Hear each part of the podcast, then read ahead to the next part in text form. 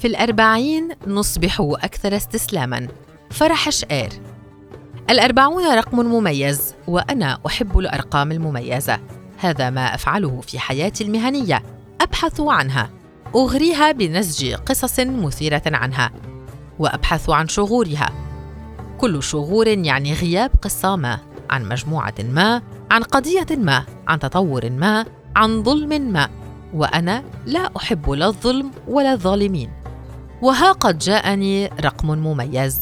أتممت الأربعين والأربعون رقم مميز في أكثرية الديانات السماوية وغير السماوية.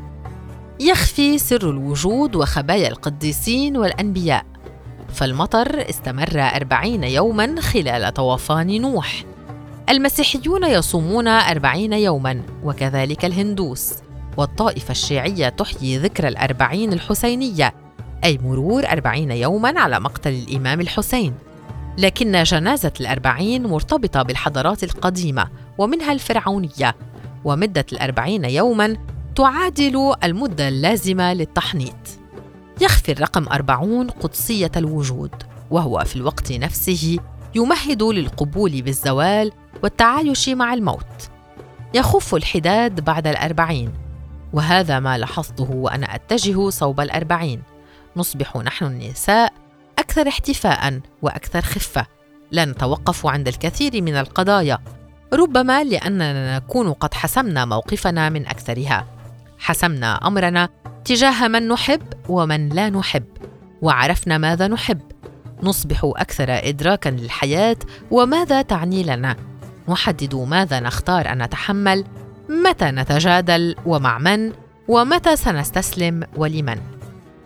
عندما نصل إلى سن الأربعين نصبح أكثر استسلاما. لا بل نحتفي بالاستسلام. يصبح الاستسلام سلاحنا الفتاك. نستسلم بطواعيه نمسك الأعلام البيضاء ونلوح بها ونحن نقهقه خسائرنا. لقد خسرنا. هذه المعركة تحديدا خسرناها بطيب خاطر. وسنخسر غيرها أيضا وسنحتفي فرحا بكل هذه الخسارات لقضايا ومواقف لم تعد تعنينا أو تعنينا. لا فرق. اخترنا أن نربح صحتنا النفسية ونخسر كل شيء باستثناء دائرة مقربة من الصداقات والعلاقات الاجتماعية. وفي القضايا الكبيرة أيضا كأن نخسر وطنا ونستمر. وتفجر مدينتنا فنسلمها لكل هؤلاء الذين يعدون أنفسهم حكاما ومسؤولين. وتستمر إلى حد ما. ولكن نستمر. عندما نصل إلى سن الأربعين نصبح أكثر استسلاما لكل شيء ما عدا العمر أو هكذا أشعر. ندرك أنه لم يعد من إمكانية للرجوع. التجاعيد ستكثر. نعم قد نشدها يمينا وشمالا ونملأها بما تيسر من خيرات الدنيا من بوتوكس وغيره ولكنها ستتكاثر. سنشعر بها تتسرب إلى محيط العين والفم وتحفر في كل ما يتسنى لها. ستحفر بين عيني وعلى جبيني وتحلق سوادا حول عيني. ستتكاثر التجاعيد. وقد ندرك أنه قد يكون من الأسهل علينا أن نستسلم لها ونتصالح معها على أن نحاربها. وها أنا أحاول أن أتصالح مع تجاعيد وجهي خاصة محيط عيني عندما أبتسم. 57 هذا رقم عدد التجاعيد على وجهي عندما لا أبتسم. ربما علي أن أقلل من ابتساماتي. وعندما أبتسم يصعب حصرها في رقم معين. فهي تتأثر بدرجة الابتسامة ونوعها. ابتسامة تحبب أو سخرية أو محاولة لقمع ضحكه فاقعة. فماذا أفعل بتجاعيدي؟ وقد اخترت الا أحقنها. ليس موقفا من إجراءات تجميلية بل هو خوف. فأنا أحيانا أخاف من خيالي ومن التغيير. وفي حالتي أخاف من أي تغيير قد يطرأ على ملامحي ويصبح علي أن أتعود على وجه جديد يحدق في المرآة. وكنت قد قرأت عن مراكز مختصة برياضة عضلات الوجه وطبعا قصدته. الجلسة كانت لطيفة وقفت المختصة فوق وجهي وبدأت بتوجيه صفعات على خدودي وهي تضغط على وجهي بطابة مطاطية.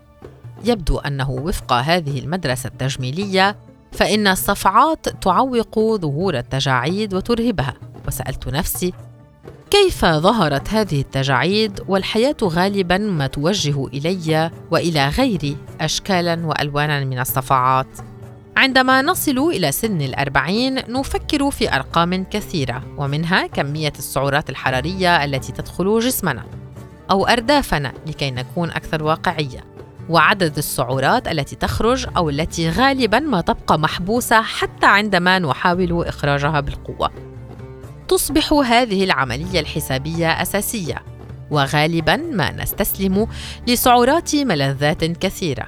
ملعقة مربى المشمش مع جبنة صفرة حادة علبة بطاطا مقلية ترفع معنوياتنا صحن هامبرجر وجبة ورق عنب. نقنع أنفسنا بأنها أقرب إلى صحن سلطة خضراء.